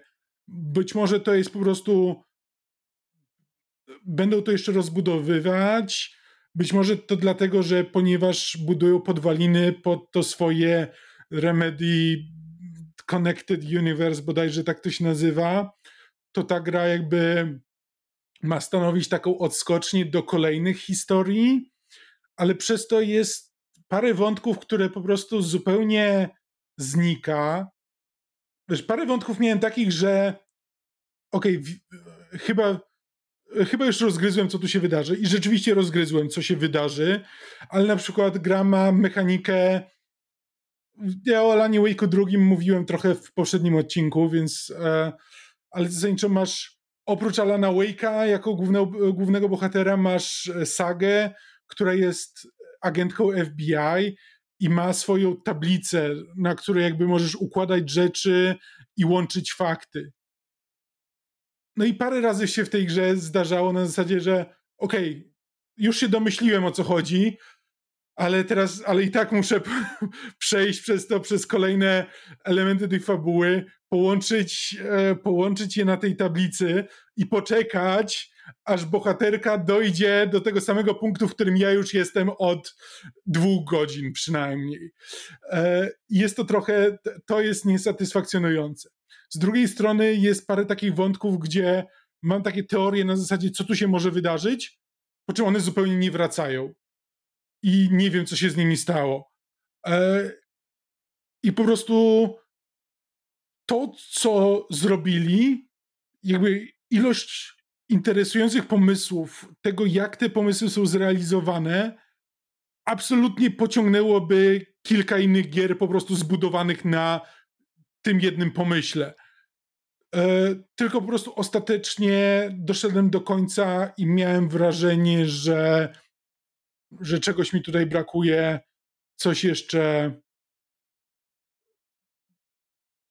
Że to nie jest zamknięta historia, to jest podbudówka pod coś, co jeszcze nie powstało, a przy tym nie mam wyraźnego obrazu, co się dalej wydarzy. W związku z czym to nie jest takie otwarte zakończenie, które sprawia, że od razu zaczynam myśleć o tym, co może być dalej, co może być kolejne, tylko po prostu parę rzeczy trochę się gdzieś po drodze wymsknęło twórcom i, i nie dotarło do końca. I to jest trochę rozczarowujące, mimo że absolutnie jest bardzo blisko tego, żeby być grą roku i po prostu gry Remedy robią mi coś w mózg, coś co bardzo lubię, jakby pokazują mi rzeczy, których nigdy wcześniej w grach nie widziałem i po prostu widzę tą pasję i to już samo w sobie jest bardzo bliskie temu, żeby po prostu było warte gry roku. Po prostu inna gra w tym momencie. Muszę ją niestety wybrać na grę roku. A czemu muszę, to wyjaśnię za chwilę, ale najpierw ty. No więc e, moją grą, która o włos e, nie została moją grą roku, jest e, Wenba, o której mówiłem w poprzednim odcinku Grących Krzeseł. Dla przypomnienia jest to visual novel o rodzinie imigrantów z Indii w Kanadzie e, i o tym, jakim się tam układa. o tym, jak tracą i próbują utrzymać więź z ojczyzną, jakby z kulturą i dziedzictwem przez gotowanie. Jest to visual novel e, prze, przetykany minigierkami o gotowaniu tradycyjnych tamilskich potraw. To jest bardzo krótka gra, znaczy bardzo krótka, półtorej godziny. Nie... Przepraszam, trąciłem mikrofon. Półtorej godziny, nie, nie mówię, że zajmuje 5 minut. E, I właściwie założenia, które, które ma, spełnia moim zdaniem świetnie, w 98% znakomicie. I ja się po prostu zastanawiam, czemu to nie jest moja gra roku. Chyba głównie dlatego, że nie mam aż tak, e, wiesz, arthouse'owych, e, arthouse'owej estetyki, żeby mówić, że ta miniaturka o e, tamilskich imigrantach to najlepsza gra, jaką grałem w tym roku. Mm. I coś, coś mnie powstrzymuje przed jakby takim wyborem. Ale też z drugiej strony liczyłem, że tego gotowania będzie więcej i będzie bardziej rozbudowane. To jest rozwiązywanie takich prostych zagadek logicznych zasadniczo, gdzie masz e, książkę kucharską matki głównej bohaterki, która była no, trochę coś ją tam zalało, nie wiadomo, olej, kary, cholera wie, więc nie można odczytać wszystkich przepisów, więc musisz logika, jakby działasz z niekompletnymi informacjami. I trochę myślałem, że tu będzie jakaś mechanika, że te zagadki będą się robiły trudniejsze, że będzie jakaś progresja w tym wszystkim i że mechanicznie do czegoś to prowadzi, ale nie, jakby ostatnią minigrę rozwiązujesz tak samo jak pierwszą i jakby na tym czysto mechanicznym poziomie czegoś mi tutaj zabrakło. I druga rzecz, która powstrzymuje mnie przed nominowaniem Wenmy na moją grę roku jest taka podejrzliwość, że Teraz, kiedy mam dwulatka, te wszystkie historie o rodzicach i dzieciach, jakby jestem dużo prostszym celem i zastanawiam się, czy. Ale z drugiej strony wszyscy subiektywnie odbieramy sztukę, więc po prostu do, to do mnie trafia, bo mam dziecko. Czy to dyskwalifikuje to w moich oczach? Nie powinno, a jednak jestem jakoś podejrzliwy teraz wobec rzeczy, które są o relacjach rodziców z dziećmi. Jest to świetna gra, którą polecam jakby wszystkim, jakby E, ale z jakiegoś powodu nie mogę jej nazwać moją grą roku. O, I tyle. Nawet jeśli nie do końca potrafię go wskazać. Nawet jeśli jest to tylko kwestia mojej jakiejś paranoi. No dobra, to moja gra roku, ty już się domyśliłeś, e, czujni słuchacze też mogli się domyśleć. E, Hitman World of Assassination. Właśnie to, miałem, to miałem powiedzieć, że nominalnie jest to gra z tego roku, bo w tym roku ukazała się pod szyldem World of Assassination jako transdikimorfowana kompilacja trzech gier.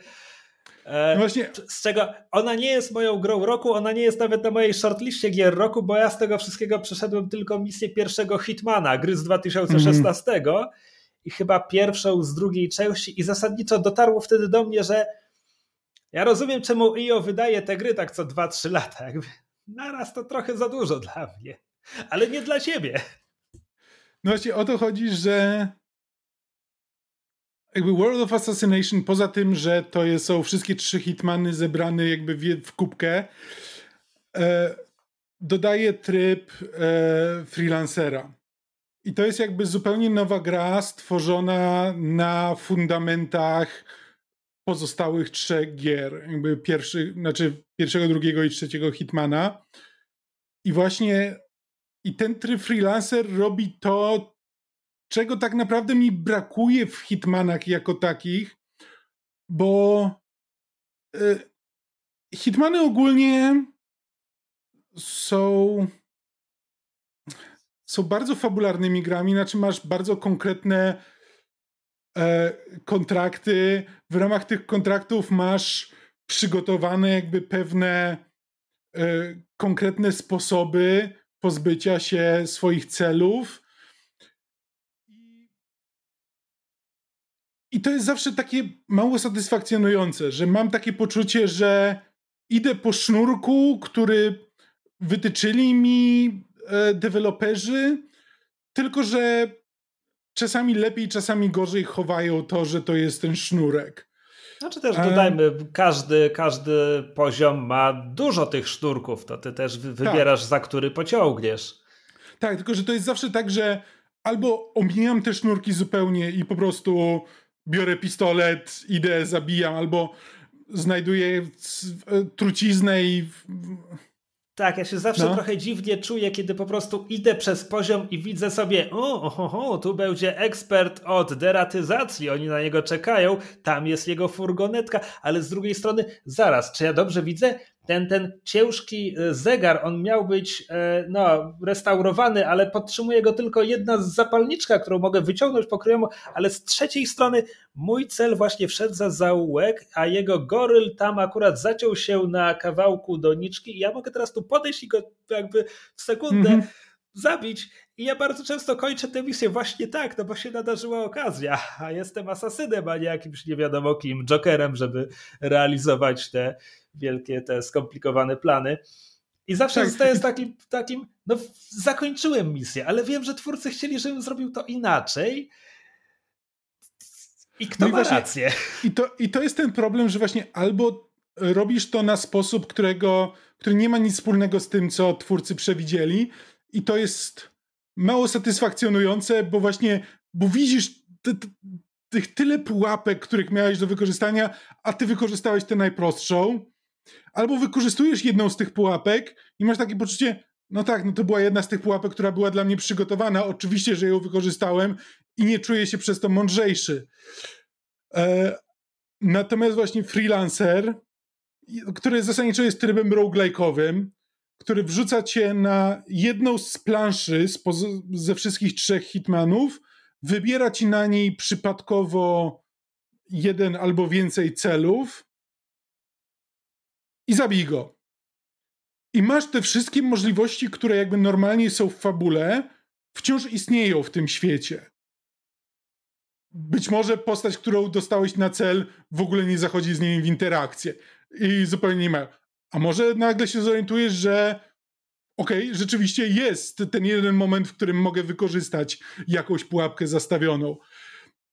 Ale równie dobrze, ale właśnie kiedy nadarza się taki moment, kiedy, o którym ty mówisz, że u nagle jego ochroniarz się zatrzymał na doniczce, więc ja wykorzystam tę okazję, jest dużo bardziej satysfakcjonujący, bo po pierwsze jakby wykorzystałeś okazję jakby w proceduralnie stworzonym świecie i jak wiesz, obczajasz kilka różnych możliwości, nie masz możliwości zasejwowania gry, więc nie masz tego, co w podstawowym trybie, że ok, save i zobaczmy, może się uda. Nie, ktoś mnie zobaczył, spróbujmy jeszcze raz. Tak Okej, okay, czekaj, bardzo ważne pytanie, ale czy możesz przynajmniej wyjść z gry i potem do niej wrócić i do tej samej misji od tego momentu, czy w ogóle nie ma save'ów? Eee, Bo jak w ogóle nie ma save'ów, to ja w to nie zagram jeszcze przez 10 lat opieki nad dzieckiem. Eee, znaczy te misje nie zajmują aż tak długo, bo one nie zajmują tak długo jak normalna misja Hitmanowa. No dobra, ale jak zawalisz jedną tę misję, to ci przerywa cały run, tak? Czy, czy nie? Nie, wiesz co, to, z tego co pamiętam, grałem już grałem to w pierwszej połowie roku, więc jakby wydaje ale mi się, że to, to przez całą tak. połowę roku. Tak. E, o ile dobrze pamiętam, o ile czegoś nie pochrzaniłem, to wygląda tak, że możesz wyjść z misji i do niej wrócić, przy czym zaczniesz ją od początku, ale nie przegrasz tego ranu, ale możesz do niej wrócić, jeśli nie wszcząłeś alarmu, jeśli nie jesteś aktywnie poszukiwany w danym momencie. E, to wtedy możesz, to wtedy możesz wrócić. Jeśli już ludzie do ciebie strzelają, a ty szybko wciśniesz Alt F4, to sorry, przegrałeś. To się liczy jak, jako śmierć. Uczciwe. E, tak. No ale właśnie, ale to powoduje, że jakby nawet taka podstawowa rzecz na zasadzie, ok, znalazłem moment, kiedy nikt na niego nie patrzy i mogę po prostu do niego strzelić z pistoletu. Ok, mogę to zrobić, ale nigdy nie jesteś pewien, czy czegoś nie przegapiłeś. Może ktoś jednak patrzy z jakiegoś okna, e, którego nie, na które nie zwróciłeś uwagi e, i zaraz się zacznie, e, zaraz się zacznie zawierucha. Może nie masz broni z tłumikiem, w związku z czym okej, okay, zabiłeś go, ale to spowodowało hałas, więc teraz musisz się gdzieś schować i upewnić się, że nikt cię nie zobaczy.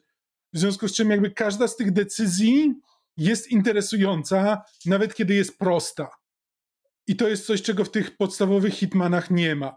i to jest coś, co sprawiało, że po prostu byłem w stanie podchodzić do kolejnych i kolejnych misji powielokroć, bo one za każdym razem wyglądają inaczej. Nawet kiedy dostanę dokładnie tę samą osobę na dokładnie tej samej mapie, co trzy misje temu, to i tak muszę podejść do tego inaczej, bo już być może mam nawet inne narzędzia w tym momencie dostępne, ponieważ to też jakby się zmienia w zależności od ranu.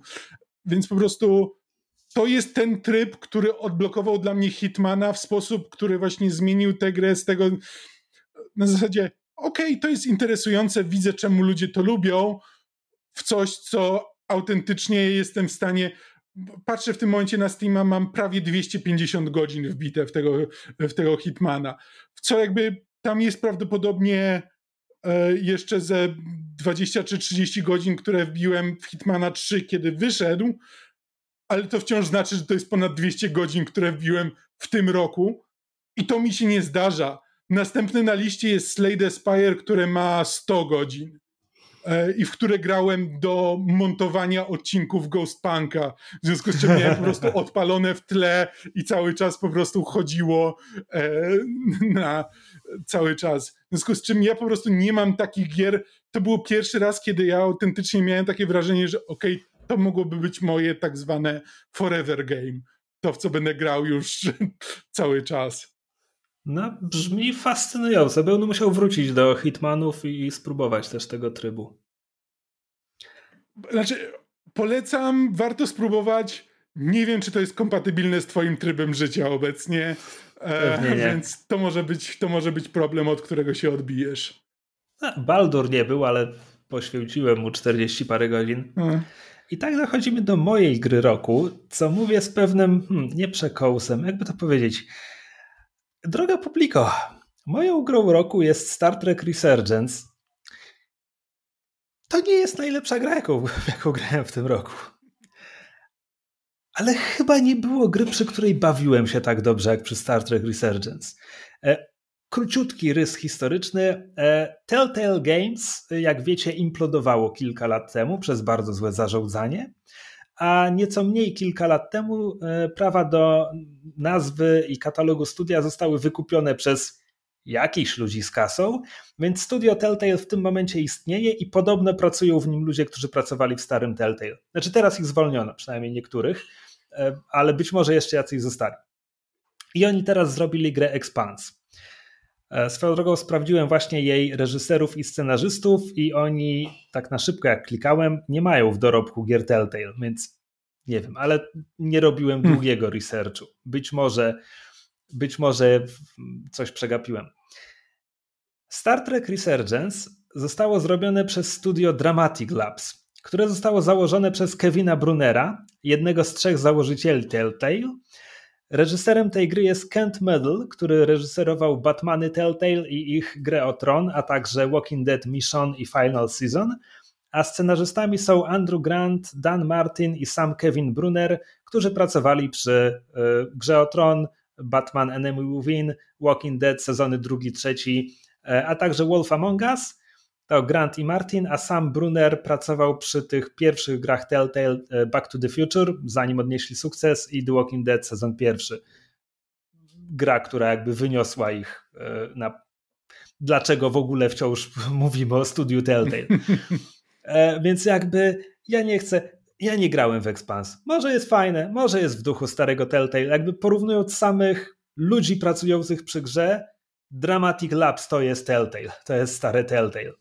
Mhm. E, co oczywiście jest też trochę kamieniem u nogi, bo jakby ja grałem wiele gier Telltale i wiele z nich było bardzo fajnych, a potem wiele z nich grałem w wiele kolejnych, które po prostu coraz bardziej przypominały jedna drugą, e, a i technologicznie nie wyrabiały. Co prowadzi mnie do Star Trek Resurgence, które To jest gra w uniwersum Star Treka, e, dziejąca się 16 lat po zakończeniu Next Generation, coś koło wydarzeń filmu Star Trek Nemesis. No, jest to epoka, kiedy kapitan Picard chyba już przechodzi na emeryturę, ale jego załoga jeszcze istnieje. E, Riker dowodzi własnym statkiem, tego typu rzeczy. I oni jakby są istotni w świecie gry, ale nie są istotni w grze. W grze mamy dwójkę protagonistów, e, nową pierwszą oficer statku Resolute Jarę Rajdek i e, inżyniera niskiego szczebla Cartera Diaza, więc mamy narrację dwutorową, z jednej strony wydarzenia na most, mostku okrętu i wszystko co te ważne rzeczy, które się dzieją, a z drugiej strony spojrzenie na te przysłowiowe niższe pokłady, lower decks. E, I akcja ma świetny punkt wyjścia, bo Jara Rajdek jest nową postacią w załodze tego okrętu.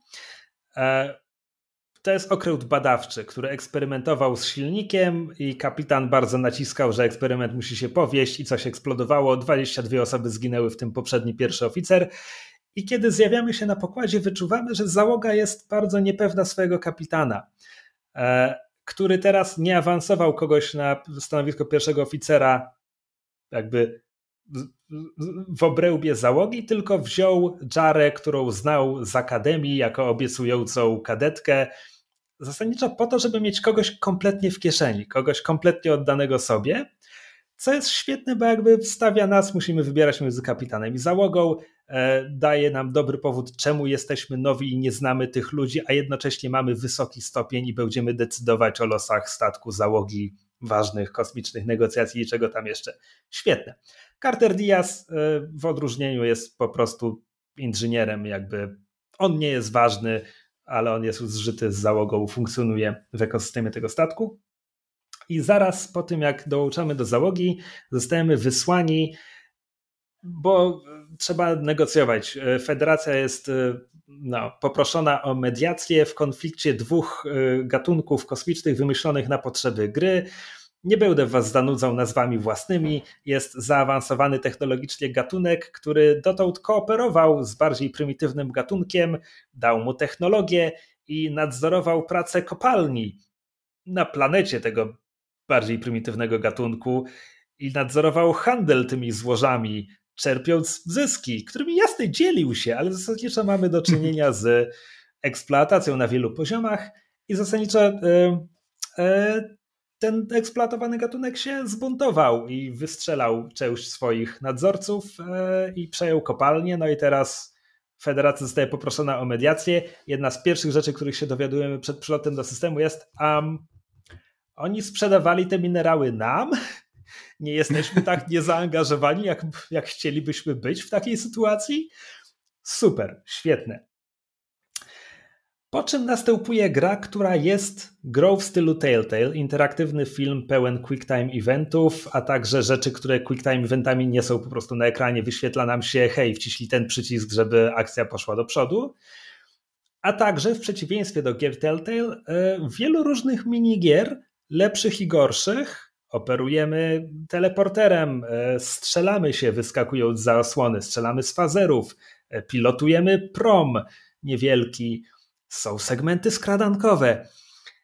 Niektóre z tych rzeczy są zaskakująco fajne. Yy, strzelanie z zaosłon. Całkiem spoko.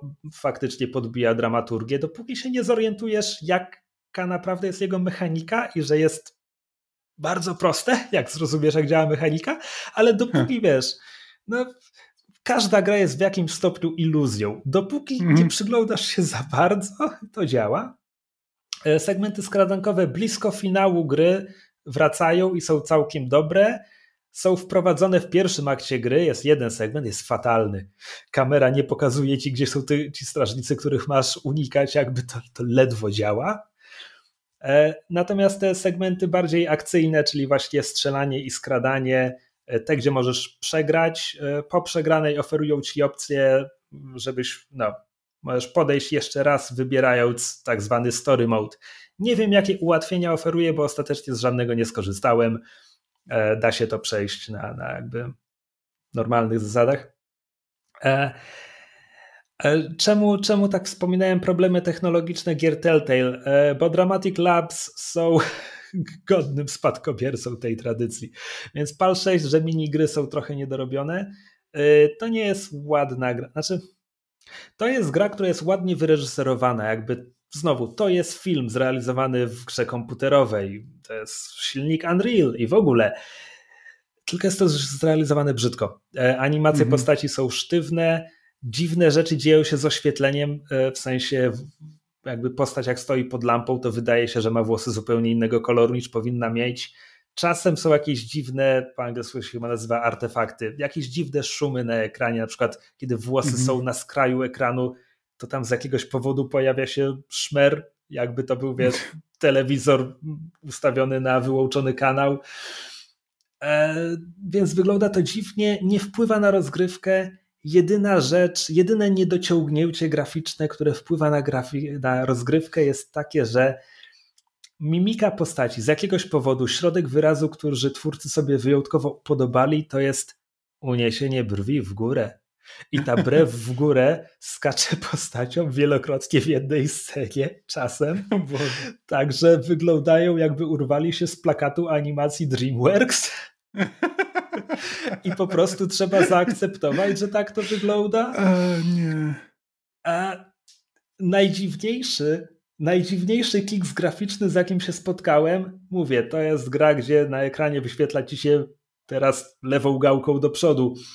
E, jeden raz lewa gałka do przodu wyświetlała się obok e, jakiejś metalicznej powierzchni i ten element interfejsu odbijał się w tej mechanicznej powierzchni, jakby był czymś wyświetlonym w świecie gry. Fuck. Nie mam pojęcia jakim cudem. Było to bardzo wow. zabawne. Więc widać, jak bardzo oni mieli ograniczony budżet i z tym ograniczonym budżetem zrobili coś fantastycznego. Znaczy, ja jestem letnim entuzjastą Star Treka. Widziałem sporo z wielu seriali, ale absolutnie nie widziałem wszystkiego. Żadnego serialu nie widziałem w całości. Widziałem garść filmów. Lubię ten świat, nie kocham go. Być może mm. dzięki temu nie dostrzegam tu jakichś wad, tak jak wiesz, czepiam się Jedi Survivora i Star Wars Squadrons, no tak. bo to jest świat, który znam od podszewki. Tak, tutaj być może są jakieś debilizmy. Masz oczekiwania. Ma, właśnie, mam oczekiwania. Tutaj nie miałem żadnych ale na pewno twórcy kochają ten świat, bo Jara Rajdek jest e, kobloidką, to jest gatunek, który jest istotny w jednym odcinku Deep Space Nine. Brzmi obraźliwie. Prawda? E, to jest gatunek, który do przeżycia wymaga e, częstych transfuzji czegoś tamium, co z kolei jest fantastycznym wybiegiem w grze, żeby dać twojej postaci powód, żeby często odwiedzała ambulatorium i miała regularne rozmowy z oficer medyczną. Świetny pomysł. Bardzo mm, fajnie się tak. sprawdza. E, bardzo istotna okazuje się być technologia e, czegoś, coś, jakiś pradawny lud, który pojawił się, uważaj, w jednym odcinku Next Generation okazuje się to być nagle okay. fundamentalne dla fabuły tej gry, więc jakby bardzo głęboko się ugają, konkretnie po te dwa seriale. E, wykorzystują też, wiesz, star power. Leonard Nimoy co prawda zmarł, ale ambasador Spock jest istotną postacią w tej grze. Dubbinguje go jakiś Piotr Michaels bodajże. Gość jest chyba w naszym wieku, ale ma talent do brzmienia jak stary Leonard Nimoy, jakby można się zastanawiać. Okej. Okay. E, a Jonathan Frakes wciąż gra, więc po prostu pojawia się, żeby wygłosić parę kwestii jako Riker. E, Miło. I teraz tak, najważniejsze, co chcę przekazać, bo nawet jeśli nie jesteście choćby letnimi entuzjastami Star Treka, ale lubicie Mass Effecta z naciskiem na pierwszego konkretnie, który był grą toporną i brzydką, jeśli chodzi o grafikę, jest w Star Trek Resurgence coś, ta gra opowiada historię, która dałoby się ją wcisnąć do uniwersum Mass Effecta w, pewien sposób. Nie chcę mówić za dużo, jakby, ale chodzi o no samo to, że wiesz, decydujesz o statku i załodze. I jest to fajnie napisane. To jest gra, w której ta gra, przejście to, to jest 10 godzin mniej więcej. I w tym czasie miałem jeden dialog, gdzie po wybraniu opcji dialogowej byłem trochę zaskoczony tym, co powiedziała postać. Jeden. Podczas gdy okay. nie tylko w, w grach typu Telltale, ale po prostu w RPGach, które nie wyświetlają ci całej kwestii dialogowej, którą zaraz powiesz, mm -hmm. to mhm. jest nagminne, że twórcy jakby piszą jedna postać, mówi co innego. Tu tego nie ma. Tu, tu był jeden moment, kiedy byłem zaskoczony tym, co wyszło z ust mojej postaci. A jest to naprawdę fajnie napisane. Byłem wciągnięty i zaangażowany, jakby A czemu o tym mówię i czemu wybieram to na grę roku? Bo to wpadło jak kamień w głowę. Y, kamień w głowę? Nie aż tak dramatycznie. To wpadło jak kamień w wodę. Nikt o tej grze nie mówi. Być może dlatego, że na PC jest zamknięta w getcie ekskluzywności na Epiku. Ja, ja grałem na PlayStation. Ty próbowałeś nas zachęcić do tego, żebyśmy może któryś z nas, Rafał albo ja, żebyśmy zagrali w tego Star Treka, żeby móc o nim opowiedzieć w krzesłach. E, ja miałem takie, że kurczę, no może bym rzeczywiście spróbował zagrać tego Star Treka, po czym zapominałem, a potem jak szukałem gier na Steamie do, wiesz, na zasadzie, nie, nie mam w co teraz grać, zobaczmy, czy coś jest teraz na promocji do kupienia, coś, coś o czym myślałem kiedyś. Nie, to jakby Star Trek nie wpadnie mi po prostu o tak jako coś, o czym, a tak, miałem w to zagrać, bo nie zaglądam na Epika, o ile nie ma tam czegoś, co jakby aktywnie chcę zagrać, aktywnie tego szukam. Tak, no więc strasznie tego żałuję. Mam nadzieję, że Epic dał im tyle kasy, że przynajmniej jakby mają, są bezpieczni mm. na kilka kolejnych lat i zrobią następną grę, najchętniej nie zamkną jej na Epiku. Ja w to grałem na moim... Jest szansa, że to jest tylko czasowy ekskluzyw i że pojawi się na Steamie za pół roku, czy rok, Może, czy coś. Nie wiem. E, ja w to grałem na moim śniącym, nowiutkim PlayStation 5 E, gra w sklepie wyraźnie jest oznaczona ikonką PS4, więc nie spodziewałem się cudów graficznych, po czym odkryłem, że jest patch do wersji PS5, który mm. pobrałem mając y, 4 godziny wbite w grę, a okazuje się, że on się instaluje jako osobna aplikacja i nie mogłem kontynuować tej rozgrywki PlayStation to jest najdziwniejszy system na świecie tak pod tym względem. Więc Aha. być może te wszystkie kiksy graficzne, o których mówię, może tego nie ma w wersji PS5, nie wiem. Mhm. Jakby gra była tak fajna, że absolutnie mi to nie przeszkadzało. Um, jedna rzecz wypada, no powiedzmy dwie rzeczy wypadają trochę słabo, y, jeśli chodzi o scenariusz, który jest największą zaletą tej gry. E, wydawało mi się, że gra sugeruje wątek romantyczny z postacią, która jest bardzo ważna w pierwszym akcie gry, po czym niemal znika na resztę gry. No, ale to jest kwestia moich oczekiwań i tego, jakby czego spodziewałem się, że to pójdzie w inną stronę. Druga i w zasadzie powiedziałbym, że ważniejsza. Um, jest moment, w którym musisz zadecydować, kto zajmie, kto uzupełni stanowisko, na którym jest wakat. Masz do wyboru dwóch oficerów, gdzie jeden był e, w wątku Cartera Diaza, więc niby twoja Jara Rajdek nie miała z nim kontaktu, ale wtedy go masz. Potem jest wepchnięty na misję z Jarą na planecie, więc są jakby dwie obowiązkowe sceny z tą postacią, dość długie. I potencjalna trzecia to już zależy od tego, kogo sobie wybierzesz do pomocy w pewnym momencie. I jest drugi kandydat, który jest statystą przez całą grę i potencjalnie możesz go wybrać w tym momencie, gdy mm. wybierasz sobie kogoś, żeby ci towarzyszył w jednej scenie. I to jest tak nierówny wybór, że ja nie mam żadnego powodu, żeby wybrać tego drugiego gościa, bo go nie znam, bo gra nie dała mi z nim dłuższej sceny. Jakby musiałbym być um, jakimś, nie wiem, ogromnym fanem Liama O'Briena, bo on go dubbinguje, żeby mm. go mhm. wybrać. No skoro, skoro o obsadzie mowa, e, Ezio jest statystą, nawet kilkoma mm. statystami. Um, Uh, I didn't ask for this. Jak mu tam? Um, Jensen. Tufexis. Uh, tak, Elias Tufexis, Elias Tufexis. Uh, czyli agent Jensen z Deus Ex Human Revolution gra tutaj jednego z głównych antagonistów. No jest oryginalny Jonathan Frakes, jakby sporo znanej obsady, chociaż nie na pierwszym planie. Świetna rzecz. Jakby ja się, ja się bawiłem świetnie. Polecam to serdecznie. Szkoda, że gra jest tylko na Epiku na PC. I oczywiście oczekiwania na starcie. To jest brzydka gra, minigry są toporne. Jakby jeśli to jest dla was mhm. przeszkodą, jakby odrzucacie coś z góry, no, no to nie próbujcie, bo jakby będziecie na mnie źli, że polecałem coś takiego. Ale jeśli jesteście w stanie przeskoczyć tę niewielką przeszkodę, to ja się naprawdę przy niczym innym nie bawiłem tak dobrze w tym roku.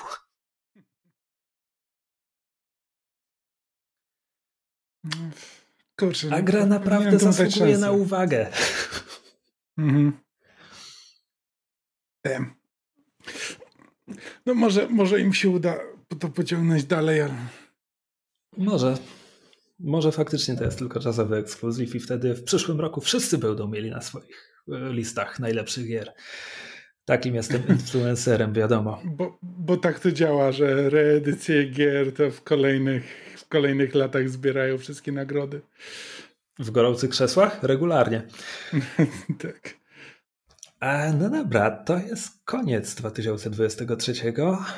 Um, ja wiem, w co będę grał Nie w wiem, przyszłym ja tu roku. widzę jeszcze tak przynajmniej 18 dni. Tak, ja mam, ja mam bogate growe plany na te 18 y, dni, bo w zeszłym roku powtórzyłem Curse of Monkey Island, bo była 25. rocznica oraz byłem rozczarowany Return to Monkey Island i wymyśliłem sobie, że w sumie, kurczę, wiecie czego jest 25. rocznica w 2023? Grima Fandango, a ja nigdy nie grałem w remaster, więc jeszcze spróbuję Hmm. go wcisnąć przed końcem roku, zwłaszcza, że mam go na Gogu, bo chyba kiedyś rozdawali za darmo. E, Ale jeśli to zrobię, to oczywiście nie będę miał wyboru i w przyszłym roku będę musiał powtórzyć The Longest Journey, bo wtedy będzie 25. rocznica tamtej gry. Okej. No a poza tym w przyszłym roku będę grał w to wszystko, w co nie zdążyłem zagrać e, w tym roku. Nie, kłamie, będę grał w ułamek tego wszystkiego, w co nie zdążyłem zagrać w tym roku. Tak z czystej ciekawości, czy w twojej sytuacji pomógłby Steam Deck? Gdybyś miał Steam Decka, to grałbyś więcej, czy raczej nie? To nie jest to, że mógłbyś sobie w wolnych chwilach usiąść z konsolką. Nie, to jest po prostu, wiesz, jak zajmuję się Maxem, Max jest przyzwyczajony, że robię coś na telefonie. Stąd moje trzy evergreeny. Mhm. E, ale też jakby ja nie mogę zrobić niczego, co mnie za bardzo zaangażowało. Ja mam Switcha, tylko że jakbym usiadł na kanapie ze Switchem przy Maxie, to on by się po prostu zainteresował tym, co robię i mi tam wbił, a Mhm. jakby na tym etapie jeszcze ograniczamy mu czas spełzany przed ekranami. Jasne. Jakby to nie, to nie problem, że chciałby patrzeć jak gram, ale on chciałby wciskać guziki. To już jest problem. No a poza tym nie chcemy, żeby spełzał za dużo czasu przed ekranami, będzie miał na to całe dorosłe życie. Yeah. Yeah. no, wszystkich to czeka. I tym optymistycznym akcentem. Czekaj, co nas wszystkich czeka? Całe życie przed ekranami? Tak, I, I guess, chyba tak. Święta nas czekają, skupmy się na tym. 2024 nas wszystkich czeka. Tak, Tak, oby nawet był lepszy dla deweloperów. Słucham? Oby był lepszy dla deweloperów. Tak. Tego im serdecznie życzę. E, tak, jeśli słuchacze teraz e, słuchają nas tuż po tym, jak to wyszło, to e, jeszcze macie szansę. 17 grudnia będziemy robili tradycyjny już live, wigilijny. Nie mamy chyba żadnych konkretnych planów, o czym będziemy mówić, ponieważ Astrofanka nie udało nam się zakończyć, więc nie bardzo możemy nawet o tym mówić, więc chyba po prostu będziemy sobie gadać o pierdołach, więc wpadnijcie na czat, żeby pogadać z nami. E, Ja będę od was wyciągał, wyciągał, żebyście typowali najlepsze filmy, książki, co tam jeszcze roku. Zrobimy podsumowanko. Podsumowań nigdy A, za wiele. widzisz. No dobra. No to, to macie tutaj sneak peek, którego nawet ja nie wiedziałem w tym momencie. Dowiadujecie się tego razem ze mną, co nie jest prawdą, bo czas tak nie działa, ale no. To zapraszamy 17, to jest niedziela o godzinie 19. Będziemy zaczynać na YouTubie. E, wpadnijcie, a tak poza tym możecie jeszcze wpadać na Discorda na podsłuchane.pl ukośnik Discord. Kurde, zacząłem to robić, ty zazwyczaj robisz te tyłówki i ja trochę teraz wdepnąłem w to i nie jestem pewien, do, co mam jeszcze powiedzieć. Nie no, Krzysiek, świetnie, ratuj świetnie ci idzie. E, znaczy to tyle, no nie mamy Patronite'a dla gorących krzeseł, więc to, prawda. koniec tematu. Zapraszamy na Discorda. Mamy fanpage Gorące Krzesła na Facebooku. Staram się tam przynajmniej raz na parę dni co ciekawsze newsy wrzucać. I tyle. To cześć. Do usłyszenia. Bye bye. W przyszłym roku, 2024, Ulala. przyszłość, panie. Żyjemy w 4 lata po oryginalnym cyberpunku. A, nie. To Okej. nieprawda. Pierwsza edycja to był chyba Cyberpunk 2013 czy coś takiego. Najpierwsza edycja tamtego RPG. Serio?